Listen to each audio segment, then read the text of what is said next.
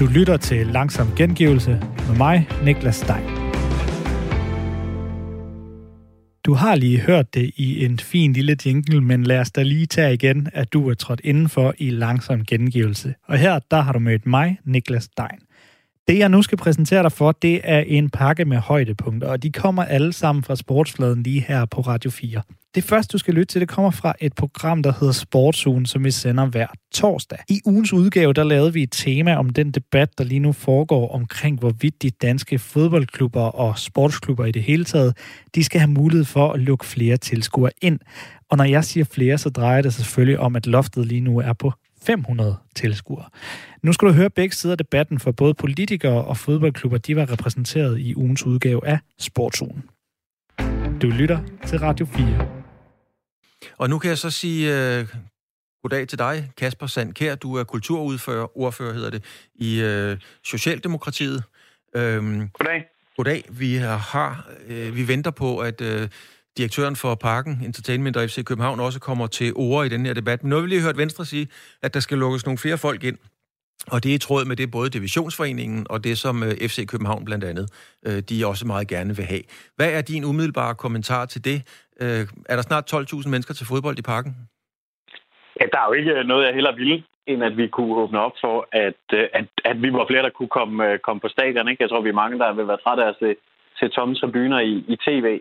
Men virkeligheden er jo bare, at vi står midt i en global pandemi, og hvor Europa nu er epicentret i landene rundt om os, der, stiger, der stiger smittetallene drastisk. Vi ser det også herhjemme, at smittetallene stiger, og derfor er tiden bare desværre ikke til, at vi kan åbne op for flere øh, tilskuere til, til fodbold.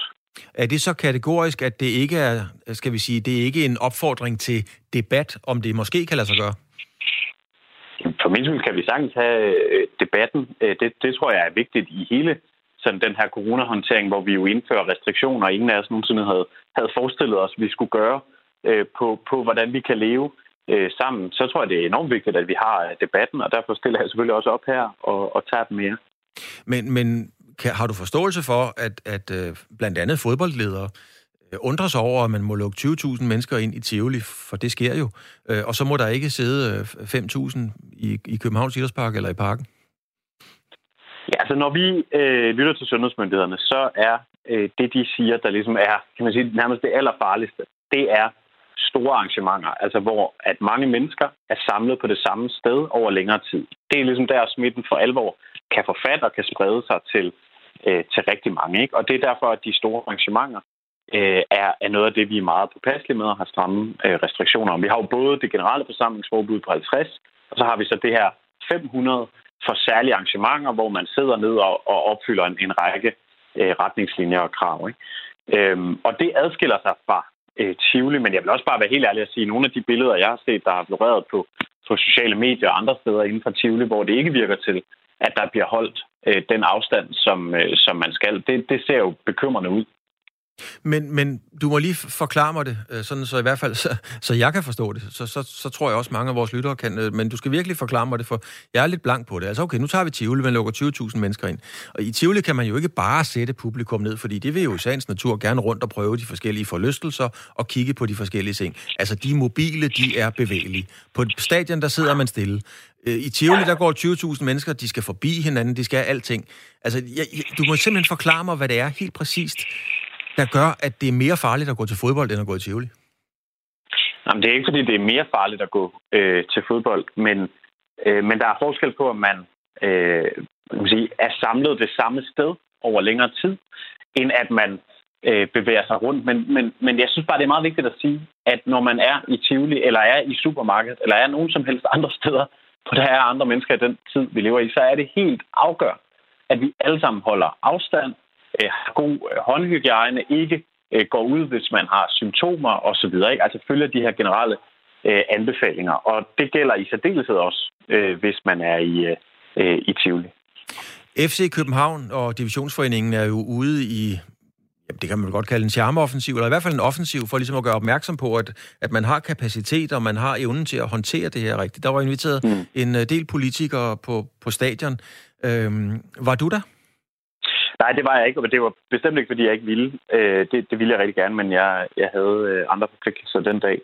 Øh, men, men jeg tager meget gerne øh, dialogen, og det har vi jo løbende haft en dialog med Divisionsforeningen. Tager den også meget gerne med, med FCK, og jeg har også øh, skrevet at, at, til dem, at jeg meget gerne øh, kommer en anden gang. Og jeg skal lige spørge dig igen. Øh, hvornår tror du, at der kommer flere fans på stadion? Jamen, jeg har jo lyst til at sige, øh, så hurtigt som det overhovedet er, øh, er forsvarligt og kan, kan lade sig gøre, og hvornår øh, det så bliver, øh, er jo svært at spå om. Altså, der er ingen af os, der ved, hvordan øh, den her pandemi kommer til at udvikle sig øh, i den kommende tid. Men det, jeg i hvert fald bare øh, kan sige, det er, at vi er nødt til at have en helt anden udvikling i øh, smitten, før, at, øh, før at det er forsvarligt, desværre. Tak skal du have, Kasper Sandkær, kulturordfører i Socialdemokratiet. Tak skal du have. Selv tak. Så har vi fået fat i Lars Bo Jeppesen. Lars Bo, øh, som jo er øh, direktør i sporten i, i Parken Sport og Entertainment. Øh, godt, du dukkede op, øh, Lars. Øh, det kan være, det er os, der har trykket på nogle forkerte knapper, men vi har taget det i en lidt omvendt rækkefølge, fordi vi vil egentlig gerne have startet med dig jo, i forhold til, at øh, politikerne ligesom kunne... Øh, kunne øh, kommentere på det, øh, du siger. I inviterer en masse politikere på stadion i sidste runde. Øh, hvor mange dukkede der egentlig op? Nu hørte vi lige, at Socialdemokratiet kom i hvert fald ikke. Jeg har inviteret 40, der kom 6. Er du skuffet over det? Ja, meget. Og jeg er også provokeret over det, øh, fordi øh, jeg har et meget stor tiltro til demokratiet.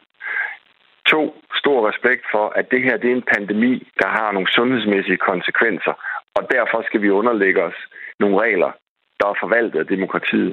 Men tre, så har jeg også en forventning om, at hvis man lukker vores forretning og vores arbejdsplads ned, så kan man som minimum stille op til en dialog, hvor man kan lytte til løsninger, eller stille nogle opgaver, vi så kan forholde os til. Og da I sagde før i introen til, til, til mig, eller afrundingen med, med, med Kasper, at det var en charmeoffensiv, så vil jeg sige, nej, det er ikke nogen charmeoffensiv. Det er en overlevelseskamp. Og det er det for hele dansk fodbold. Og det er det, man skal forstå. Og så kan det godt være, at det er nødvendigt, at man ikke lukker flere ind på Superliga-stadions i den her overlevelseskamp. Men et, så skal man være klar over konsekvenserne, og to, så skal man i hvert fald have dialogen. Men Lars Bo Jeppesen, nu siger du meget markant og lægger meget vægt på, at det er en overlevelseskamp. Det er jo desværre også en overlevelseskamp for det øvrige samfund. Smittetallet er stigende, det er alvorligt. Øh, er det ikke en arrogant holdning lige præcis nu at sige, at for jer er det en overlevelseskamp økonomisk, mens samfundet bare kæmper for at overleve? Det er heller ikke det, jeg forsøger at sige. Fordi hvis jeg, hvis jeg mente eller troede, der var en risiko baseret på det, vi har fået videre myndighederne, en sundhedsmæssig risiko ved at gå til fodbold, så skulle man ikke gøre det. Men det mener jeg ikke, det er. Hvis, hvis de kriterier, som sundhedsmyndighederne de stiller op, det er afstand, hygiejne og afspritning. Men hvor mange tilskuere mener du så, at I på forsvarlig vis øh, kan have inden til en kamp i, i, øh, i, i parken? Så mener jeg, at vi på forsvarlig vis skal efterleve de retningslinjer, som myndighederne har udstukket. Fordi det sundhedsmæssige aspekt kan jeg ikke vurdere. Men hvis de siger, at der kan være 500 i en biografsal, så vil jeg i al beskedenhed mene, så kan vi også godt indrette vores stadions i biografsale, hvor man i, i øvrigt sidder udenfor, har mere afstand eller samme afstand, og så i øvrigt efterlever de regler for biografsale, myndighederne har fremsat. Nogen vil hævde, øh, at øh, ofte så, især fodbold, i hvert fald fra sportens verden, især fodbold, ligesom hæver sig over det, det, det, det øvrige samfund. Man laver sine egne øh, regler, man har sit eget retssystem, man har sine egne ting. Er det ikke også det, I præcis gør i den her sammenhæng? Altså hæver jeg over det omgivende samfund øh, i godsøjen, bare fordi I har en fodboldklub? Nej, sådan håber jeg bestemt ikke, det fremstår. Jeg, jeg prøver på ingen måde at hæve mig over det, det, det øvrige samfund. Jeg føler, jeg føler netop, at vi har indordnet os i det eksisterende samfund ved at følge samtlige regler, der er fremsat. Det har altså bare den konsekvens, at vores forretning og vores arbejdsplads er lukket ned. Og derfor har jeg så i al beskedenhed sagt, det er ret voldsomt for os og for dansk fodbold. Så i mindste vil jeg gerne have en dialog om løsningsmodeller. Lars Bo Jebsen, øh, jeg kaldte det en charmeoffensiv. Du siger, det er en overlevelsesoffensiv. Øh, det er i hvert fald en offensiv, I er gået ud. Hvad er det næste, I konkret gør for at få øh, den her dialog? Og, og det er jo i virkeligheden i første omgang bare det, du øh, efterlyser. Ja. Øh, to ting. øh, regeringen havde nedsat de her sektorpartnerskaber. Og der, der var ideen med dem, at man kunne sidde og diskutere løsningsmodeller. Men det, som Øh, og det tror jeg godt, at jeg tør sige på hele fodboldens vegne. Det, som vi har oplevet med de her sektorpartnerskaber, det er, at beslutningerne er taget inden og bliver kommunikeret inden, og at man ikke reelt føler, at der har været en dialog i de her sektorpartnerskaber. Og det er først, da vi, da vi ligesom oplever, at den dialog ikke rigtig eksisterer længere. Det gjorde den i starten omkring første gang Superliga-ordningen blev indført. Det er først der, vi så begynder at lave den her offensiv. Og det jeg selvfølgelig håber på, det er, at vi, kan, at, at vi kan få en dialog med de beslutningstager, der har lukket os ned. Øh, og en konstruktiv dialog. Og derfor så det, jeg vil gøre, det er selvfølgelig, og det vil jeg faktisk gøre i dag, der vil jeg sende øh, nye invitationer til vores kamp 1. november mod Lyngby til de politikere, der ikke havde mulighed for at del, øh, dukke op. For der er faktisk flere af dem, der har skrevet til mig, inklusive Kasper. Øh, og, og kulturministeren svarede også Kim Valentin i går, at hun også gerne vil, vil dukke op for hende. Og så vil jeg, fordi jeg er også med på, at det var efterårsferie. Det kan godt være, at man ikke lige kunne, når der var fire dages varsel. Så derfor vil jeg genfremsende invitationen, så man kan komme ind og konstatere, om det er sikkert, eller man ikke føler det er sikkert, hvilket det godt kan være, og det er man jo sin god ret til at føle, det ikke er. Men hvis vi så kan starte en dialog op om, hvad kan vi så? Hvad kan vi så? Den dialog, den er vi meget spændt på at følge med i. Tak til Lars Bo Jeppesen, direktør i Parken Sport og Entertainment. Tak fordi du havde tid til, til at være med. Naturligvis. Mange tak. Hej. Radio 4 taler med Danmark. Vi skal ikke bevæge os væk fra sportsugen helt endnu, for i torsdags der var der meget andet end fodbold på programmet. Her får du så en lille pakke, og den består af e-sport, badminton og af motorsport. Du lytter til Radio 4. Så skal det handle om Astralis, fordi den danske e-sport-gigant Astralis har solgt Counter-Strike-spilleren Patrick EasyTag Hansen, tror jeg, han skal udtales, øh, til det storsatsende amerikanske e-sports foretagende Cloud9. En handel, der allerede bliver nævnt som en af de største inden for e-sports eller e-sports verden. Køberen, altså Cloud9, har offentliggjort, at det er en handel til en, til en værdi af ca. 13 millioner kroner. Og ifølge TV2 er det beløb fordelt, fordelt på den måde, at Cloud9 betaler Astralis 3,2 millioner kroner i transfersum, og så får Patrick Hansen 10 millioner kroner fordelt over de næste tre år. Altså mange, på mange måder så ligner det en transfer, som vi kender det fra fodboldens verden, hvor, hvor hyppigt er det, og hvor meget kan man for, forvente sig af den slags ting i, øh, i, i e-sport. Med på linjen og telefonen, der har vi nu Kasper Witt, der er General Manager for Astralis. Øhm, Kasper, man fornærmer vel ikke nogen ved at sige, at Patrick Hansen ikke var ja, største profil, øh, men var han Cloud9's første prioritet, eller har de også prøvet at hente andre af jeres spillere først? Øh, jeg ved øh, faktisk ikke, om han var deres første prioritet. Altså, jeg kan ikke kommentere på vores forhandlinger eller snakke med dem. Men, men det er rigtigt nok, at han var måske ikke, som du sagde indledningsvis, vores allerstørste profil. Øh, det er jo en spiller, vi har købt for for kort tid siden, fire måneder siden, men han har, han har spillet fantastisk, og det har, har Cloud9 så fået øjnene op for. Kasper Witt, det, det er ikke mit indtryk, at, at, at de her handler med spillere, øh, som vi kender det fra fodbold og håndbold, der er lige så udbredt i e-sport endnu. Altså, hvor ofte får man egentlig henvendelser fra andre hold, der er interesseret i at købe en spiller? Det kommer meget an på, hvilken spil vi taler om. Altså i det her tilfælde øh, med Patrick, så er det jo Counter-Strike. Og der foregår det en gang imellem. Der er ikke sådan øh, transfervinduer, som vi kender fra fodbold. I øh, det andet spil, øh, et af de andre spil, vi har, League of Legends, der er to transfervinduer øh, om året. Øh, og det er der, der er noget med free agents, og man skal spørge om lov, hvis man vil tale med spiller. Så det, er, det afhænger meget af, øh, hvilket spil vi taler om, øh, hvordan det foregår. Ja, det her med, hvordan det foregår, kan du løfte lidt af sløret bare generelt for, øh, hvordan foregår det? Er det på samme måde som i håndbold og fodbold med agenter, rådgiver og hvad der ellers skal til? Fuldstændig, ja, fuldstændig. Der er et øh, stort øh, slaraffenland af agenter, og nogle spillere har agenter, andre spillere, de, de øh, har ikke lyst til at bruge nogle rådgiver, og man skal tale med dem selv øh, omkring øh, lønforhold og så videre. Så øh, det er fuldstændig det samme som, øh, som i alle andre sportsgrene. Nu, nu, Kasper, nu nævnede du selv noget om, øh, om transfervinduet, eller, eller det ikke eksisterende. Altså, må man i, i e-sport henvende sig for eksempel direkte til en spiller, eller skal man gå til dig først? Øh, I et af spillene skal man henvende sig til, øh, til øh, holdet først. Øh, I nogle af de andre spil er det god stil at henvende sig til holdet først. Øh, men det er ikke nødvendigt. Øh, så, så det igen, det kan variere også fra spil til spil. Og man kan sige, I hentede øh, Patrick Hansen, som jeg oplyst på, det vi kalder en, en fri transfer, altså uden overgangssum. Så det her, det ja. ligner jo på mange måder en god forretning. Er det her forretningsmodellen, er det noget, som I tænker ind som forretningsmodel løn for Astralis fremadrettet? Det er jo klart, at øh, vi har en masse investorer, økonomiske interesser, vi skal tænke over. Øh, vi, vi har lagt en, havde lagt en strategi med at have flere spillere end fem. Det har vi også snakket om tidligere, for nogle måneder tilbage. Øh, det var egentlig ikke vores mening at, øh, at sælge Patrick, øh, men der kom et rigtig godt tilbud, som vi synes var fornuftigt. I forhold til, at vi havde fået ham øh, øh, på en fri transfer, som du siger, og vi har nogle af de spillere, som, øh, som har brug for en pause, de er på vej tilbage. Den ene er tilbage, og Andreas kommer tilbage nu, og vi har en, en reserve, så det var et godt tidspunkt. Øh, der, hvor vi egentlig gerne vil hen af, det er jo nok, og det har vi også talt om mange gange, at simpelthen lave øh, en form for akademihold eller ungdomshold, altså så vi har øh, 10 spillere, øh, og man kan, som man siger i andre sportsgrene også, ikke, så man har et første hold og et andet hold, så kan man supplere, og nogen får lov til at træne med den ene dag, og nogen får lov til at træne med den anden dag. Hvor, hvor ligger, øh, fordi det udvikler sig jo hele tiden, og det udvikler sig med, med, ja, med voldsom præcis. fart, hvor, hvor ligger pengene egentlig nu? Og det må man gerne sige, eller økonomien, det lyder pænere, men hvor ligger pengene? Er, er det transfers, er det pengepræmier, er det sponsorer, eller, eller måske noget helt fjerde? Ej, altså vores hovedindtægtskilde er selvfølgelig fra sponsorerne.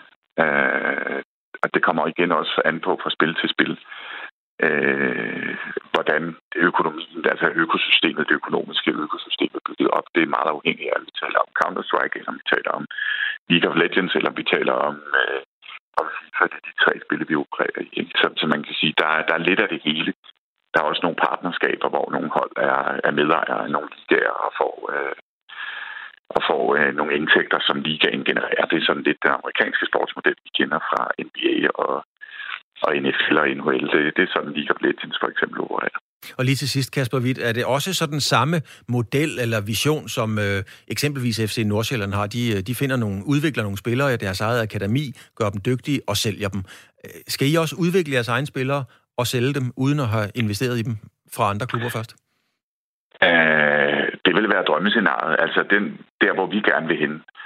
Øh, vi vil gerne være e-sportens lighthouse, og, og forhåbentlig er det og inspirerer mange mennesker, men, men går med nogle strategiske planer, som, som bærer os i den rigtige retning.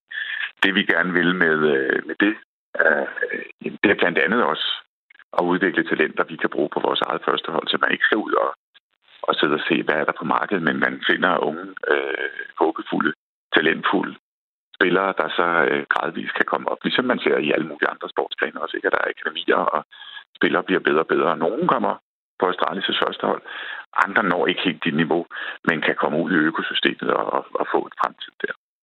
Kasper Witt, General Manager af Astralis. Øh, tak fordi du har tid og mulighed for at være med, og tak fordi du er orienteret om, hvordan sådan nogle handler i e-sport, det er ret nyt for os, egentlig foregår. Det er selv sagt, og det er en fornøjelse. Tak skal du have. I sidste uge blev der spillet Danmark Open i Odense, og så ved dem, der interesserer sig for badminton, at det er badminton. Øh, den første store turnering siden marts måned, og det blev jo med en øh, dansk vinder i Hersing i øvrigt for første gang i 10 år. Velkommen til dig, Anders Antonsen, og øh, hjerteligt tillykke med, med sejren. Hvad kommer den her sejr til at betyde for din karriere på sådan på sigt? øh, puha, øh, hvad den betyder for min karriere, det ved jeg ikke, men altså, det er jo, øh, det er jo en rigtig, rigtig stor titel, øh, og når jeg engang er, er færdig med at spille badminton, så er det, så er det en af dem, jeg vil være rigtig, rigtig stolt over, stolt over at have vundet, det er helt sikkert. Øh, så ja, det, jeg ved ikke lige, hvad den sådan kommer til at betyde for min karriere, men øh, det, det, det er i hvert fald øh, en rigtig, rigtig stor ting øh, at have vundet. Anders Antonsen, når jeg spørger på den måde, så er det fordi, at uh, en etappesejr eksempelvis i, i Tour de France, den er faktisk mange millioner kroner værd i sponsorindtægter mange år frem. En sejr i, i, Danmark Open, er den også gar- garant for sponsorindtægter i, i hvert fald de næste mange år? Øh, det, det håber jeg helt bestemt. Øhm, det er svært. Øh, det er svært sådan lige at sætte en, du ved, sætte, sætte en pris på, hvor meget den er værd sådan i fremtidige sponsorindtægter, men jeg håber da naturligvis, at den, den kommer til at, at hæve min, øh, min værdi øh, og mine muligheder for, for at lave nogle gode aftaler hister her. Um, ja, og hvis en titel som, som det ikke skulle, skulle, skulle skyde mig i den rigtige retning i forhold til det, så, så ved jeg ikke rigtig, hvad der skulle. Så, um, så må ikke, at øh, det er en god ting i forhold til det økonomiske. Anton, man ser tit i fodbold, at øh, hvis en spiller har spillet i den klub, man han er på banen mod nu og scorer, så er der ikke de store, øh, vilde jubelscener og respekt for den tidligere klub. Øh, du vandt over Gemke, som jo er din helt specielle ven, og den, den historie kan vi bruge mange timer på at fortælle om. I er meget tætte og har altid været det. Lad det en dæmper ja. på din jubelscene, at det præcis var ham, du vandt over? øhm, måske en lille smule, øh, men jeg tror egentlig også, at øh, grund til, at jubelscenen var sådan rimelig stille og rolig, var også, at jeg var, jeg var brugt. jeg, var, jeg var rigtig, rigtig træt, og jeg havde næsten ikke, øh, havde næsten ikke noget overskud tilbage til at skulle, skulle ned og ligge på, på knæene og råbe og skrige. Um, så jeg tror egentlig, det var måske en blanding af de to ting. At øh, jeg var udmattet, men selvfølgelig også øh, stor respekt for, øh, for Rasmus, og havde måske heller ikke lyst til at, at brøle ham lige ind i, ind i skærmen. Um, så jeg tror, det var en blanding.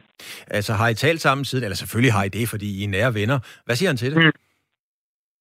Øhm, ja, vi, vi, har skrevet, øh, vi har skrevet en lille smule sammen, men ikke så meget om, øh, om, om kampen og sådan. Men selvfølgelig så, selvfølgelig så er Rasmus øh, overordnet set øh, formentlig rigtig glad for, for ugen, men, men samtidig også rigtig skuffet over, at han ikke lige, lige akkurat kunne, kunne lukke finalen. Øh, det er jeg ret sikker på, uden at, uden at have spurgt ham. Øh, men øh, han, han, virker, han, virker, han virker til at, til at have det okay. Han er formentlig, formentlig ret glad stadig. Og Anders Antonsen, det er jo ikke for på nogen måde at skal tage noget fra din sejr, men, men øh, den kom jo i en coronatid, og der var afbud fra, fra forskellige spillere. Altså, du, du ligger selv nummer tre på verdensranglisten og møder kun en anden top 10-spiller. Øh, mm. Var det en letkøbt titel, lad mig nu bare spørge lige ud. Elefanten i rummet, var det en letkøbt titel? Øhm, altså, det, det er selvfølgelig klart, det er ikke nogen hemmelighed, at det havde været, det havde været sværere, hvis, øh, hvis Kento Momota, nummer et i verden, havde været med. Øh, nogle af Victor måske nogle af de indonesiske drenge også. Øh, så jo, selvfølgelig så var det ikke den, den, stærkest den stærkeste øh, turnering til dato. Øh, men, men ved du hvad, det, det tænker jeg sgu ikke så meget over. Altså en, en sejr en sejr, og heldigvis så slog jeg nummer to i verden øh, på vejen, øh, hvilket egentlig gør, at den er, at det er en, en legit turneringssejr. Øh, jeg tror, at måske jeg havde haft det lidt anderledes, hvis jeg ikke havde, havde slået Cho der, nummer to i verden, som, som jeg sagde. Um, men jo, det, det, altså, bestemt, det, det, det, kan vi ikke, det kan vi komme udenom, at det var ikke så stærk en besat turnering, som, som, øh, som det nok havde været, hvis der ikke havde, havde været hele det her coronashow. Hvad, hvad betyder titlen, uh, Anders, mentalt for dig? Fordi man ser jo, for at blive at blive cykelsporten, dem, der har den gule trøje, de kører mange gange over evne. Når en bokser får et bælte, jamen, så vokser han eller hun også med bæltet. Uh, din mm. bevidsthed om at have vundet det her, hvad, hvad betyder det for dig mentalt? Øhm, jamen, det, det, det motiverer mig faktisk øh, rigtig, rigtig meget øh, til, at, til at blive ved med at, at arbejde stenhårdt. øh, ja, altså, den, den her følelse, man sådan har bagefter, og når man står i det, den tror jeg er meget, meget vanedannende. Øh, den vil virkelig gerne ud og opleve så mange gange som overhovedet muligt. Øh, det er Altså, det er den fedeste følelse overhovedet, øh, man kan opleve, når at, øh, ens hårde arbejde, det, det bærer frugt. Øh, og så til sidst, så står man med, med, en, med en titel som det der, og, og får en oplevelse, som sidste uge var. Øh, det er virkelig, virkelig fedt. Noget, jeg elsker rigtig, rigtig højt. Så øhm, det vil jeg blive ved med at, at jagte så meget, som jeg kan. Anders Antonsen, hvis du bliver ved med at spille på den måde og fortsætte, som du har øh, udviklet dig, så er det ikke sidste gang, du har stået på, på den. Det er stensikkert. Hjerteligt tillykke med, øh, og hils din rigtig gode ven, hjerteligt tillykke med, med sejren, og lad os se, hvad der sker bag. Ja, jeg kan lige spørge dig øh, til sidst her. Ved du overhovedet, mm. hvornår du skal ud og spille noget stort badminton igen? Uh, ja, jeg skal, jeg skal ud og spille i januar. Uh, I januar der er der planlagt uh, tre turneringer i Thailand i sådan et sådan boble-format, uh, hvor vi bliver lukket rimelig meget inde. Uh, så ja, til, forhåbentlig til januar, der skal, der skal jeg afsted igen. Tak skal du have. Tak fordi du har tid til at være med. Selvfølgelig. Tak fordi jeg måtte. Altid. Kevin Magnussen er fortid hos Haas, og måske er han også fortid i hele Formel 1-feltet. Det har han lige bekræftet på Instagram. Og det var Ekstrabladet, der som det første medie øh, kom med historien, i, og, og, og egentlig ret markant turde slå fast at, som en kendskærning, at øh, det var ved at være slut med Kevin Magnussen og Haas og Formel 1, og det var allerede for et par dage siden. Jonas Hyttel, du dækker øh, Formel 1 netop for Ekstrabladet. Hvad er den væsentligste årsag til, at Kevin Magnussen er færdig hos Haas, og måske eller nok i Formel 1? det er, at øh, Günther Steiner og Haas team har fået et øh, tilbud, øh, som de ikke kunne, øh, kunne sige nej til. Altså, der står en, en russer med, med nogle, en, altså, ifølge hvad jeg hører, noget, der minder om 30 millioner euro. Altså, det er 225 millioner kroner, som, som Nikita Mazepin er villig til at betale for at komme, komme ind på, øh, på holdet. Og så har man simpelthen vurderet, at det er en bedre løsning at tage imod de penge, øh, måske med en lidt sværere køre, øh, end, end det er at, at fortsætte med, med, med, med danskeren. Så, øh, så det er penge i sidste ende. Øh, men, men, men jeg kan se her i bunden af min, øh, min skærm, der kører der nu sådan en uh, breaking news-agtigt, at uh, Roman Grosjean også forlader uh, Haas. Altså, hvorfor kunne de ikke beholde Kevin så som, som, som anden kører, eller som den anden kører? Jo, men jeg kan nu kan du så få det, at, altså, som jeg kommer til at, at slå fast snart også i ekstra, det er de to kører, som de sætter ind, er Mick Schumacher og Nikita Mazepin. Og det bliver ikke officielt den her weekend, men, men den kommer, og det er meget sikkert. Øhm, Mick Schumacher er, er et, et ham ville et hvert team i deres øh, kategori sige ja til, fordi han er tysker, han har også, hvad hedder det, han har potentiale, han har penge, hvad hedder det, med i, i, i ryggen, fordi at, at alle vil gerne se Schumachers søn klarer det godt. Ham vil jeg også sige ja til. Øh, det vil sige, at hans sæde, boom, det ligger fast. Det er en del af Ferrari-samarbejdet. Der er ikke så meget at handle om.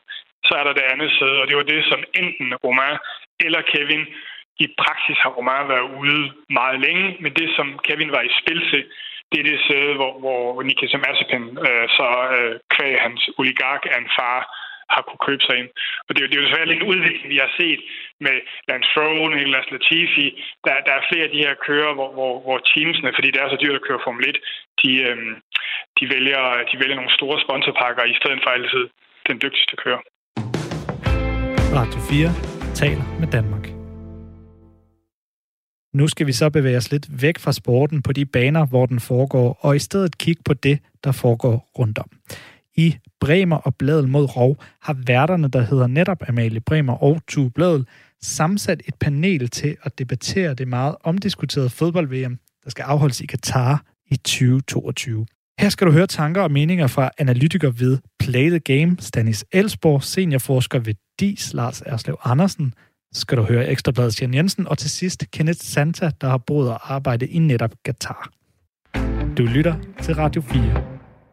Jeg synes, vi skal gå fra blå bog på Katar til et forsøg på at komme det lidt nærmere, hvad, hvad det er for nogle forhold, de her migrantarbejdere de lever under. Fordi alt andet end lige, så er det der, den bliver kogt ned til, når det kommer til, kan vi være det bekendt? Øh, og til derned og både spille fodbold og se på fodbold, måske også herhjemme foran skærmen. Øhm, det er i hvert fald en meget håndgribelig, altså fordi når du snakker om det her med korruption, så, så det er jo også, altså det bliver man jo også vildt oprørt over at høre, men det her med, at der er mennesker, der rent faktisk mister livet for at bygge fodboldstadion, som vi andre skal lade os ligesom underholde af, altså det er det, man sådan kan sætte sig meget ind i, at det er det, der er forkert. Virkelig. Øh, Stanis, kunne du ikke tænke dig lige øh, til at starte med at give os bare no, et indblik i, øh, sådan i overskriftsform, hvad er det for nogle kritisable forhold, der er blevet, øh, vi er blevet bekendte med i forhold til, øh, hvordan det er, de øh, lever og arbejder der i Katar?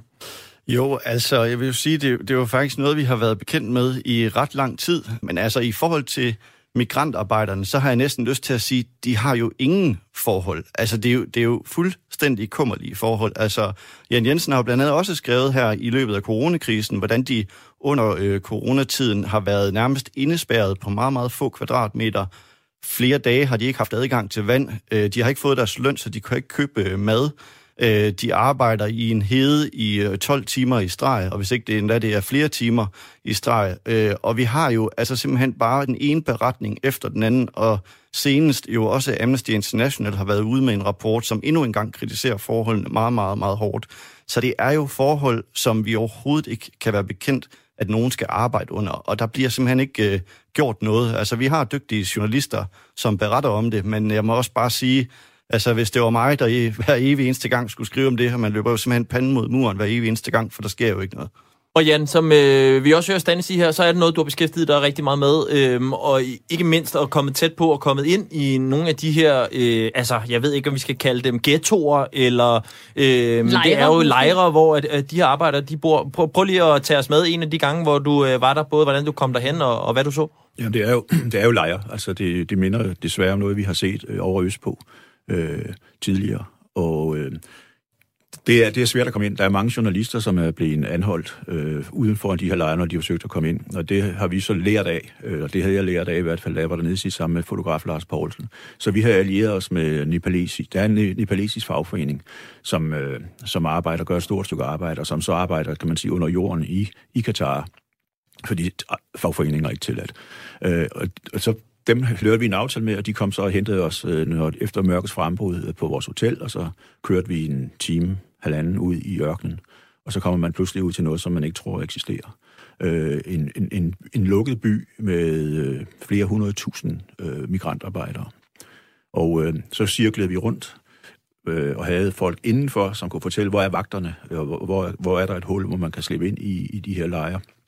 Og da vi så kommer, kommer vi så ind i sådan en lejr, og så kommer vi ind til nogle barakker, hvor der sidder, og det har vi også selvfølgelig vist billeder af i vores mm. aviser på nettet, og vi har lavet nogle små videoer, men vi kommer ind i nogle barakker, i nogle rum, uden vinduer, altså en dør, og så er det det, det. Og så er der et rum, og så er der nogle øh, køjesenge, og så er der, der er måske otte køjesenge, og så er der 10 eller 12, der bor derinde. Så kan man så selv øh, tænke, hvordan sover de så?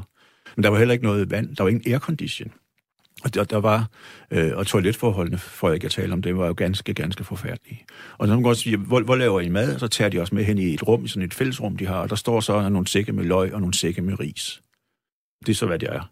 Og, og så spørger man, hvad, hvad, altså, hvad, hvorfor køber I ikke noget med? Jamen, vi har jo ikke fået løn de sidste to-tre måneder. Flere af dem sad, sad og ventede på at kunne komme hjem, men det kan de jo ikke, fordi de ikke har deres øh, visum øh, udrejsevisum, og de ikke har deres pas, fordi det inddrager arbejdsgiverne. Det er det system, som de kalder kafala, og som øh, Lars var inde på før. Altså, det er jo et slavelignende system. Og så kan de så ellers bare vente på, at øh, der sker et eller andet. De kan gå til arbejdsretten, hedder det i, i Katar, men der løber de jo også panden mod en mur. Og det er jo nogle ganske forfærdelige forhold. Og det, kunne jo ikke, og det var ikke bare den ene lejr, vi var i. Vi var, vi var i flere lejre. Også da vi var dernede første gang, øh, Lars Poulsen og jeg, var vi i nogle af de her lejre. Og der var intet ændret fra første gang, vi var der, til anden gang, vi var dernede. Og der sker det, som skete i 11, og i 13, og i 15, og i 17, og i 18, og i 19, og så også i år, at øh, så vedtager man øh, i parlamentet, for sådan et har de øh, i Katar, så vedtager de nogle reformer. En rådgivende råd. Ja, men, men det er mere... Lad os bare kalde det ja, men, men, det, men, men, det, der ikke, men det, der ikke sker, det er, at det bliver ikke implementeret. Nej. Altså, det bliver ikke ført ud i livet. Og det er, det, og det er jo det, som øh, både Amnesty og Human Rights Watch og mange andre øh, hele tiden kan banke løs på at sige, det sker jo ikke i virkeligheden. Det sker måske for en lille gruppe. Når DBU er der nede på besigtigelsestur sammen med de nordiske fodboldforbund, så får de jo et fantastisk flot eksempel at se.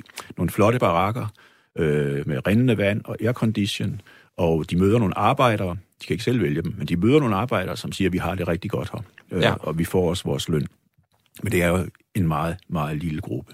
Og som øh, en af dem, der var med på den delegation, sagde til mig, da de kom hjem, vi kunne jo godt se, der var ingen, der havde sovet i de senge. Altså, men det var meget flot. Det, ja, var, ja. det var virkelig flot. Så det fungerer ikke, og det bliver ikke implementeret. De har sagt, at de vil ophæve kafala-systemet, men det er jo ikke sket i virkeligheden. Og den seneste rapport, som kom fra Human Rights Watch, viser jo igen, at der, der er mange, der ikke får deres løn, selv på stadionbyggerierne, fordi de har jo forsøgt at isolere stadionbyggerierne og sige, stadionbyggerierne, det fungerer. Ja, også sådan så, at der, øh, der er tingene i orden, og der er heller ikke så mange dødsfald og sådan noget der. Ja, ja. Det sker så ude på hotelbyggerierne og der rundt om. Det sker alle de andre steder, ja. men ikke på stadionbyggerierne. Men det sker så alligevel. Og der var den seneste rapport for det Al Bayat stadion, som Infantino lige har været nede og besøger, som Stanis lagde ud på Twitter i går. Jamen, der, det var det, at de ikke har fået løn. Men der er Infantino så alligevel at spille fodbold på græsplænen og hygger, hygger sig med sine venner i Katar. Det er, det er simpelthen bare så vildt at høre. Jeg, jeg læser jo dine artikler, Jan, og, og man ved det jo godt på en eller anden måde, men at høre de her beretninger, altså, du, du, du er den, der ligesom er os to er sådan lidt mere sådan, ej, jeg må da blive nødt til at se det her, men altså, man, kæben er jo Altså, Jamen, og det er også noget af det, jeg glæder mig til at vende tilbage til panelet med også lidt senere. Det er det her med, at det er jo rigtigt, når man først sætter sig ned. Men det samme kunne man jo, eller ikke, jeg ved ikke, om man kunne gøre det samme, men man kunne gøre noget lignende det samme med Kina øh, i forhold til, at de afholder store sportsbegivenheder. Man kunne jo også med USA finde masser af forfærdeligheder, de har begået, øh, måske mere på udebane end på hjemmebane osv. Men jeg glæder mig til ligesom at, at få jer i panelets bud på også, hvor meget værre er det her egentlig. Mm. Men inden da, så, øh, så kunne jeg rigtig godt tænke mig, at vi bringer en øh, ny mand i spil. Øh, fordi at øh, vi skal tale med en, som har øh, befundet sig i Katar i lidt længere tid, øh, end øh, bare at være dernede, bare, men at have været dernede på besøg. Arbejdet eller, Ja, præcis. Øh, og det er øh, Kenneth Santa, som øh, jeg gerne skulle have med på en telefonlinje, som jeg Etter. finder her. Kenneth, kan du høre os? Ja, det kan jeg tro. Kan I høre mig? Ja, kan vi i hvert fald. Øhm, Kenneth, du er jo øh, tidligere øh, scout for både Brøndby og Lyngby Fodboldklub, og så har du så øh, arbejdet for fodboldforbundet i Katar i, øh, i gennem øh, overvis tre år, øh, men tog hjem til Danmark igen i 2018. Kan du ikke lige starte med kort at sige, øh, hvad det var for noget arbejde, du lavede dernede? Jamen, jeg var ansat på øh, Aspire Academy, som, øh, som er øh, det, det fungerende, altså det er fodboldforbundet, som der fungerer i det daglige, hvis man kan sige det sådan. Aspire Academy øh, huser også QFA, så når vi ansætter Aspire Academy, er vi også ansat af QFA. Øhm, og mit arbejde i det daglige, det var at sikre, at øh, de bedste unge talenter, de var en del af Aspire, og derved også en del af, af ungdomslandsholdet i fodbold. Hvem, hvad er QFA? Bare lige øh, opklare det for os. Det er Qatars Football Association. Modtaget. Øhm, og når du hører, øh, som du øh, uden tvivl har øh, hørt en masser af gange, og også hører nu her fra studiet, den her kritik fra, fra Vesten, så at sige, af forholdene i Katar, hvad tænker du så? Jamen, jeg har lige været med på de sidste 17 minutter, så jeg ved ikke, hvad I har sagt inden der, men altså, der er jo ikke nogen af de ting, som, som I siger, øh, øh, som, som jeg jo har oplevet i min hverdag, fordi at nu tror jeg, at Jan han selv siger det, at man har kørt halvanden time eller to timer ude i ørkenen, og så lige pludselig står der en by.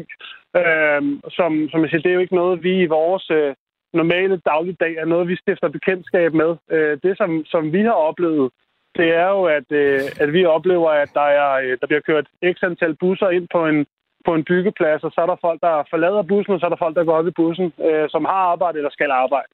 Det, det, det er det, som, som vi forholder os til, fordi det er det, vi ser, hvis man kan sige det sådan. Men er det også lidt det, I vælger at, at se, eller, eller tror du, vi er for hårde i vores kritik her, som du også hørte den fra studiet? Ej, altså, jeg vil sige, normalt så synes jeg, at man skal sige tingene med nuancer. Jeg tror, hvis vi selv kigger lidt på de sidste 17 minutter her, så har der ikke været særlig mange nuancer af tingene. Øh, og det kan der sikkert også være nogen andre, som synes. Øh, jeg ved, Janni, hans retorik, den, øh, den, øh, den, den, den skriger på en ting, og det, det er han jo i sin gode ret til. Det, er, det har vi jo lov til i Danmark at sige, hvad vi synes, og det synes jeg også er en fed ting. Men jeg synes også, at man skal, jeg synes også, man skal, man skal tage tingene øh, på den måde, man er nødt til at kigge på tingene, øh, ikke kun på den måde, der hedder, at hvordan er hvorledes og hvordan er hvorledes. Jeg synes, i, i de sidste 17 minutter, hvor jeg lige har lyttet til, hvad jeg har sagt, så har jeg i hvert fald ikke snakket om, hvorfor det er godt, at man har valgt at lægge en, en VM-slutrunde i Katar. Øh, det har vel primært været andet, jeg har fokuseret på. Ja, men hvad, men helt hvad klart, er det så? så- hvad altså, er hvad det tænker gode? du? Hvad er det gode ved at, at lægge den dernede? Jamen altså personligt synes jeg jo, at, øh, at det skriger lidt til himlen, at man skal hen til år 2022, før at, øh, at Mellemøsten de får sin første VM-slutrunde.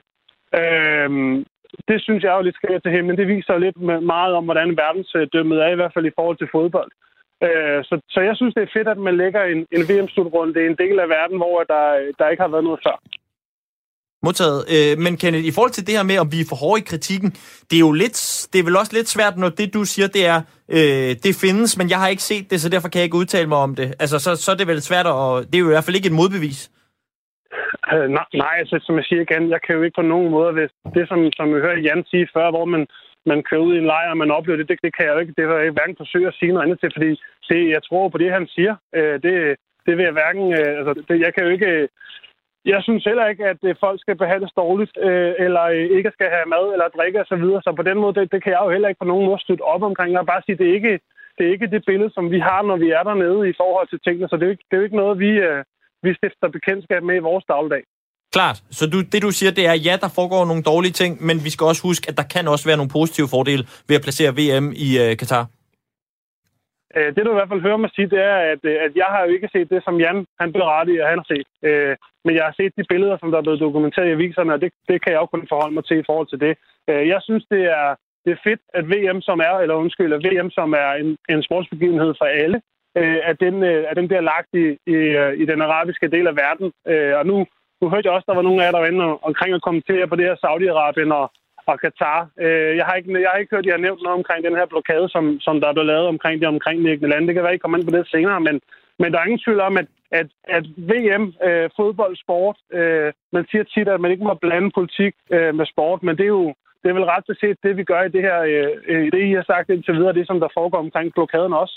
Øh, så der er ingen tvivl om, at, øh, at det, er en, det er en større ting, der er i spil her, end bare fodbold. Øh, uden tvivl. Øh, det er der ingen tvivl om. Øh, Jan? Jamen, det vil jeg da godt lige følge op på, øh, Kenneth siger, fordi det er jo korrekt, at øh, Saudi-Arabien og Emiraterne og E- Ægypten, de lavede jo en blokade af Katar, og bag, baggrunden for det, øh, der er sikkert også nogle religiøse og politiske, men der er også nogle sportslige, mm. fordi de forsøgte at fravriste VM fra Katar, eller i hvert fald at få Katar til at dele VM med de andre lande i regionen. Fordi det er kæmpestort, det her VM, for Katar. Det er kæmpestort for hele regionen. Plati, eller undskyld, Infantino gik jo med på lejen og forsøgte jo at overtale Katar på et tidspunkt til at dele VM, og så måske endda også at udvide det til 48 hold, øh, hvilket alene vi kunne betyde, at Katar ikke kunne magte opgaven alene. Men der blev han altså stemt ned i, sin, i sit eget, det her council i dag, eksekutivkomiteen, det gav sådan en grim skære korruption, så nu kalder man det council i stedet for. Det betyder bestyrelse, tror jeg nok. Ja. Øh, men det kom han ikke igennem med, og, og derfor er der jo fortsat den her øh, blokade af Katar. Øh, Saudi-Arabien har jo troet med at lægge øh, et sådan atomaffaldsanlæg lige uden for grænsen til Katar. Jeg vil også gerne øh, nå, og jeg ved, at øh, Stanis i studiet i Aarhus også øh, sidder og hopper i sædet. Ja. Nej, men jeg reagerer selvfølgelig på det, der bliver, bliver sagt, fordi at øh, en ting er jo, at øh, de, har, de lykkes jo, Katar. Altså, den interviewbid her, eller det, det, er en, det, det er jo eksemplet på det, som er sportswashing. Altså, eller det, som i hvert fald Katar forsøger at gøre. Altså hvis man bor i landet og ingen gang kan opdage, hvor kummerlige forhold de her migrantarbejdere har, så lykkes Katar jo langt hen ad vejen. Og når vi snakker om sport og politik, så må jeg bare sige, altså der er ikke noget ved det her, den her begivenhed, som handler om sport. Altså det er udelukkende et politisk projekt for Katar, og det handler et, det I har været inde på omkring sportswashing, altså man vil renskue sit image øh, udad til i verden og dække sig ind under nogle af de sportslige værdier. Og så vil jeg sige en, en anden ting, det er, at øh, når man kigger på øh, de gode ting, der skulle være ved at ligge VM i øh, Katar, altså så har jeg stadig virkelig til gode og hørt et godt argument for, hvorfor der skal bruges 1400 milliarder øh, og, og rigtig mange migrantarbejdere, som har mistet livet og lever under kummerlige forhold. Hvordan det skulle kunne forsvares med et godt argument, det må jeg altså stadig sige, at jeg har til gode. Kenneth, inden vi siger farvel til dig, så kan det være, at du øh, sidder og har det argument til Stanis. øh, jeg synes, at øh, jeg, jeg, jeg til at sige, nu, nu fanger jeg mig lige på det venstre ben der, øh, og jeg sparker normalt med højre. Okay, ja, så men, kan jeg godt se. Men jeg, men jeg vil sige, som jeg siger, at, at der er jo ikke... Øh, der er, jeg, jeg, synes, I, jeg, jeg synes, I er meget farvet, og det, og det skal jeg også sige, for jeg har været en del af det. Der blev også sagt før, at hvis man kan bo landet uden at, uden at opdage, hvad der foregår, det, det er jo selvfølgelig det, der, der forsøger jeg også på en måde at udstille, at, øh, at vi går med skåret for os, der nu engang bor og arbejder der. Øh, nej, jeg synes, nej, det, er, det er lidt interessant. Øh, jeg synes, det er lidt interessant, at, at den her vinkel, den er der på den her måde. Fordi at nu har, nu har en af de største virksomheder i Danmark, der bidrager til, til den største økonomi i Danmark, det har ligget der i mange år og har tjent rigtig mange penge på, på den del af verden, og der har der ikke været den, den form for fokus. Så der er ingen tvivl om, I bruger jo også sporten til at bringe det fokus på, på den her del af det. Jeg, mm jeg var glad for at være der, min familie var glad for at være der. Vi havde en rigtig god oplevelse med det. Øh, der er ting, som, som vi forsøgte at sige, det vil vi gerne forsøge at præge, det vil vi gerne forsøge at ændre. Og, øh, og jeg var rigtig glad for, som, som dansk øh, mand i en, øh, i en fodboldverden, hvor dansker ikke som sådan er særlig kendt, hvis ikke man hedder Peter Smark eller Michael Laudrup, så var jeg glad for at få lov til at komme ned og få en oplevelse at arbejde blandt øh, nogle af verdens førende eksperter inden for mit felt. Øh, og jeg glæder mig helt personligt til, at, øh, jeg tror, at, øh, at det er helt rigtigt, at det VM, der bliver afholdt, det bliver måske det flotteste. Øh, og, så, øh, og så håber jeg på alt det godt for alt det bedste for Mellemøsten, og så håber jeg på en masse god fodbold. Og så, øh, så håber jeg også, at, øh, at det pres, som I lægger, og den fokus, som I lægger på det, forhåbentlig medvirker til, at der bliver skabt det rette fokus til, at de rette mennesker, der kan træffe beslutninger, at de får lagt det pres på, der skal til, for at tingene bliver, bliver forbedret til, til alles bedste. Og Kenneth, lige et sidste spørgsmål her, fordi at, øh, at nu var du så i Katar i, i tre år, øh, og så valgte du at, at tage hjem sammen med din familie. Hvorfor tog I hjem? Ja, vi tog hjem, fordi at vi synes at, øh, at vi havde fået det, de skulle have ud af det på den måde, at, at jeg har en, en, øh, en dejlig kone, og så havde jeg to piger, som, som havde nået teenagealderen. Og, øh, og det er jo sådan i Katar, at, at øh, det er jo en af bagsiderne af medaljerne, som man jo nu engang oplever, når man er dernede, det er, at, at de har jo nogle, nogle tilgang til, hvordan man skal klæde sig, hvis man er kvinde. Øh, og hvis man gerne vil gå i, i shoppingcentre med videre, så, øh, så skal kvinder sørge for at dække deres knæ og deres øh, skuldre. Øh, og øh, og vi, vi kommer jo med den uddannelse, som I også selv øh, er en del af, at, at vi vil gerne lære vores børn, at, øh, at, øh, at de ikke de skal klæde sig helt som de vil, men, men at, at, øh, at de lever under frihed, under ansvar. Øh, og vi synes øh, sammenlagt, at, den, at puljen for os var, nu har vi været der i, i næsten tre år, og, øh, og vores piger havde nået en alder, hvor at, at vi skulle begynde at overveje, hvad, hvad tøj de skulle have på, hvis vi skulle ud og handle, eller vi skulle i byen eller andet. Så øh, det hele sammenlagt synes vi, at, øh, at nu var det tid til at vende hjem øh, og, øh, og sikre, at vores piger også kunne, kunne færdiggøre en uddannelse i det danske uddannelsessystem, sådan så de ikke var, var låst af og skulle, skulle en, hel vej, en helt anden omvej igennem for at kunne komme videre i verden. Radio 4 taler med Danmark. Og så er du tilbage i studiet med mig, og det er altså langsom gengivelse, du lytter til lige nu. Det er programmet, hvor vi skruer tiden tilbage og kigger på ugen, der er gået på sportsfladen her på Radio 4. Men nu skal vi så have fat i fjernbetjening og skrue lidt ekstra langt tilbage. For nu skal du nemlig høre på trætprogrammet Fremkald, hvor Claus Elgaard har interviewet den tidligere badmintonspiller Paul Erik Højer. Sammen der tager de en hurtig tur tilbage til Atlanta i USA i 1996. Her blev der afholdt OL, og det blev som bekendt en rigtig god oplevelse for lige netop Paul Erik Højer. Du lytter til Radio 4. Jeg tænker på, Paul Erik, øh, der er jo nogle ting øh, i, i sportens verden, som... Øh, som vi kan huske, det, det, er, det er pigerne, der flyver, ikke? Øh, mm. det er Bjarne Ries, det er forskellige ting. Der er nogle, tyggummiet på stolpen, ja. er jo også en klassiker. Ja, det er en klassiker. Din trøje er en klassiker. Ja. Men nogle gange så har jeg sådan ligesom om, der er gået matador i den. Altså ligesom den der scene med skolelæreren, der står ude på terrassen, eller altanen, som han slet ikke gør. Fordi der er mange mennesker, der tror, du ryger den i stykker i finalen. Ja. Har du oplevet det selv? Jo, jo. Altså, jeg, der, der er mange, der, der det var da i finalen, du vandt, og du skrev den der trøjestykker. Men det var det ikke det? Nej, det var det ikke. Det var faktisk i semifinalen. Nå, mm-hmm. Nå det var det. Nå, det var det. det. Og så, så øh, måtte det jo så lige få den der historie, som, som, altså, men, men som jeg siger, altså, det, det er jo øh, en, en, en forløsning, fordi at man kommer, nu ved jeg, at jeg er på, på skammen, altså i 92, der var det jo sådan, at man øh, automatisk fik bronzemedaljen, men i 96, der skulle du spille om den. Ja. Så så, så det var ikke bare øh, givet, at når du var i semifinalen, så havde du også fundet bronze. Så der var sådan lige øh, sådan lidt ekstra øh, attention, vil jeg sige, på, på de afgørende kampe. Jeg skal, lige, øh, jeg skal lige, jeg skal lige prø- trykprøve dig på, på, på, på, øh, på, på to af dine kolleger fra badminton, øh, som sagde noget, der gjorde stort indtryk på mig. Det, den ene, det var faktisk Sten Skovgaard, da han bliver verdensmester. Ja. Øh, der kan jeg huske et interview, og jeg var jo en, en ganske ung knæk der, og, og jeg var, det, er en af de største sportsoplevelser, jeg har haft, da vi vinder de her verdensmesterskaber på det tidspunkt. Ja. Men så kan jeg huske i et interview, at Sten Skovgaard, han noget tid efter siger, at det var forfærdeligt, fordi fra nu af kunne det kun gå tilbage. Men jeg blev simpelthen så deprimeret, jeg blev så ked af, at han sagde det, fordi jeg tænkte, ja. hvorfor fanden er du ikke bare glad? Ja. Øh, Morten Frost har jeg lavet det samme med, som ja. vi sidder og laver her, og han sagde, at han ærgede sig sådan over, at han aldrig glædede sig over det. Gav du dig tid til at, at nyde og vinde en OL-guldmedalje? Ja, det, det vil jeg sige, det, det gjorde jeg. Øh, jeg, jeg, jeg nød den i, i fulde drag, tror jeg i virkeligheden. Men, men jeg, jeg tror netop, at det det, der øh, er, er lidt afgørende her. Det er jo, hvordan man, man glædes. Øh, og der fandt jeg dem ret hurtigt ud af, du kan ikke glæde dig alene. Altså, du skal jo dele det med nogen. Du skal jo dele den her oplevelse med nogen, før at øh, glæden rigtig kommer, kommer frem i dig. Mm. Øh, så, så det var det var det vigtigste faktisk, øh, da jeg kom hjem så, så var det ikke øh, kun øh, bare det at komme hjem. Det var at tage medaljen ned til Inge Birk, min, min øh, massør, som yeah. masserede og, og redde rigtig mange gange min, min, min krop ud af et moras af, af smerte og så videre. Men, men at, at tage, tage den med ud og dele den og sige, men øh, uden dig, så havde jeg aldrig stået her. Så, så du er en del af den. Øh, og, og, og det gjorde jeg meget ud af. Så du holdt den ikke bare tæt ind til kroppen, ja. altså du delte ud af den, kan man ja. sige. Øh, ja, fordi det var jo det, Morten Frost jo rent faktisk sagde, det var han ikke ret god til. Altså, ja. altså, mm. Var det noget, du var bevidst om for at komme af med det, eller er det fordi, det er sådan, du er, eller hvorfor reagerede du sådan? Jamen, jeg, jeg, jeg tror faktisk, at, øh, at for det første, så er det nok noget, jeg er øh, et eller andet sted. Øh, men men, men, men det, det var også vigtigt for mig, at, at komme ud og, og, og, og sige tak.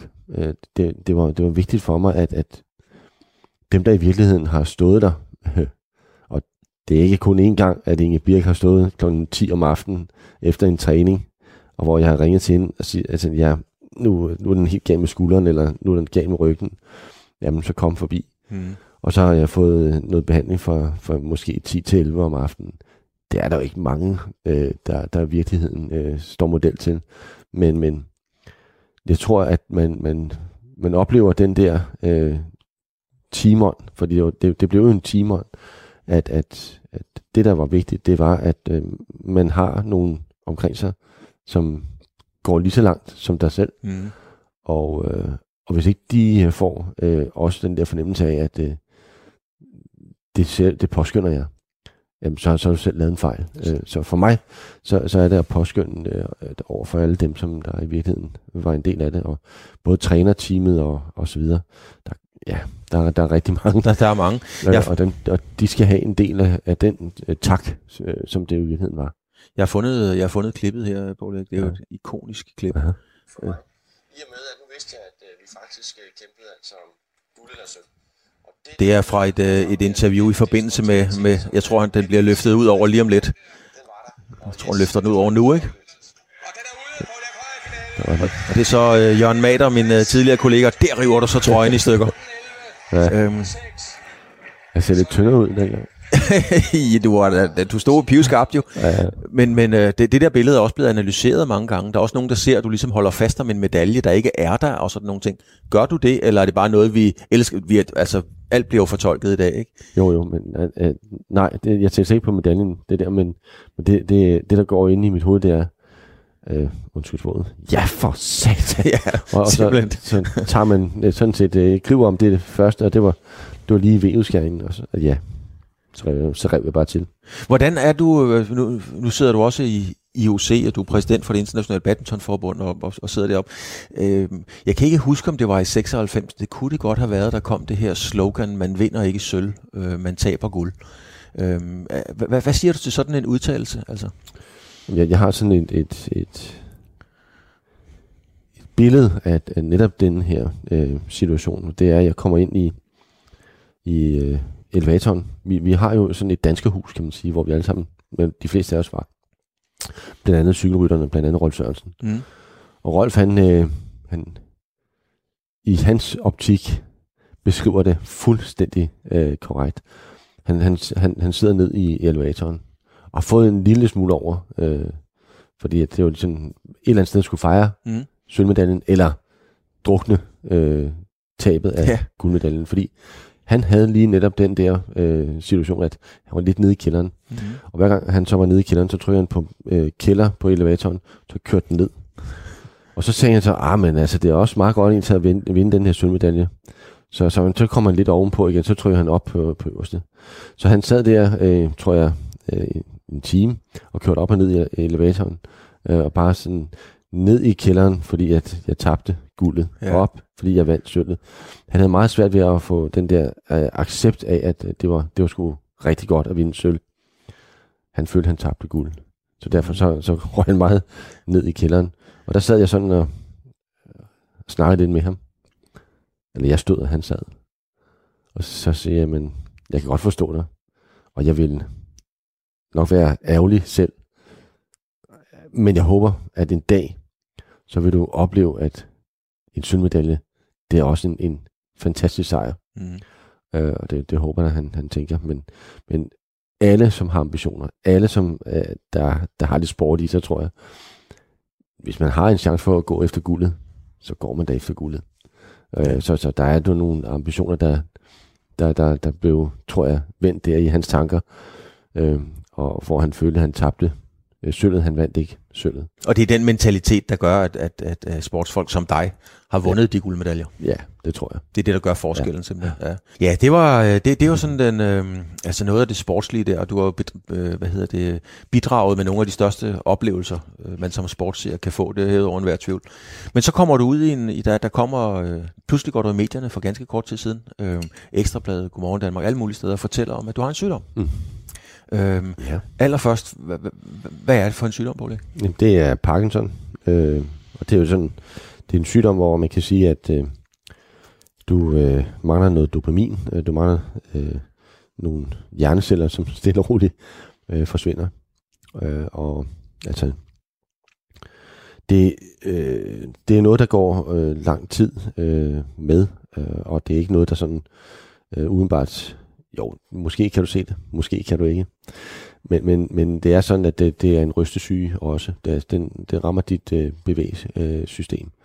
og, og nogen vil ryste rigtig meget. Andre vil have sådan lidt mere stive bevægelser, og nogen vil have sådan nogle vugne bevægelser. Altså det kommer ud på, på mange forskellige måder, men, men det er en øh, specifik celle, som, som der i virkeligheden øh, øh, stille og roligt øh, dør hen op, i, op i hjernen. Og øh, ja, i sidste ende, så vil jeg også kunne mærke det. Øh, og det øh, kunne min far også, fordi min, min far havde det faktisk også. Så det er sådan, selvom det ikke er øh, rigtig bevist øh, 100% at det, det udelukkende er, er afligt, fordi det behøver ikke at være afligt, men det kan faktisk godt være afligt. Mm. Nu, nu fortalte du om, at du kom tilbage mod kineseren øh, 1-13, Don Jong. Mm. Øh, hvordan kom du tilbage oven på diagnosen her? Altså, hvordan, hvordan fandt du vejen tilbage? Ja, altså... Jeg finder vejen tilbage ved, ved øh, i virkeligheden øh, min egen øh, måde at se tingene på, tror jeg. Øh, og, og, og også at have nogle venner omkring dig. Øh, have nogen, som du kan spare med, og have nogen, som, som du kan snakke med, øh, som min kæreste Jorden, øh, og alle dem, der jo har været omkring mig, øh, dele med det. Mm. Altså fordi, øh, jeg, jeg tror, min, en, en, en livsfilosofi er i virkeligheden, del tingene med andre. Fordi at øh, du vil være meget glædelig overrasket over, hvor mange der egentlig vil hjælpe.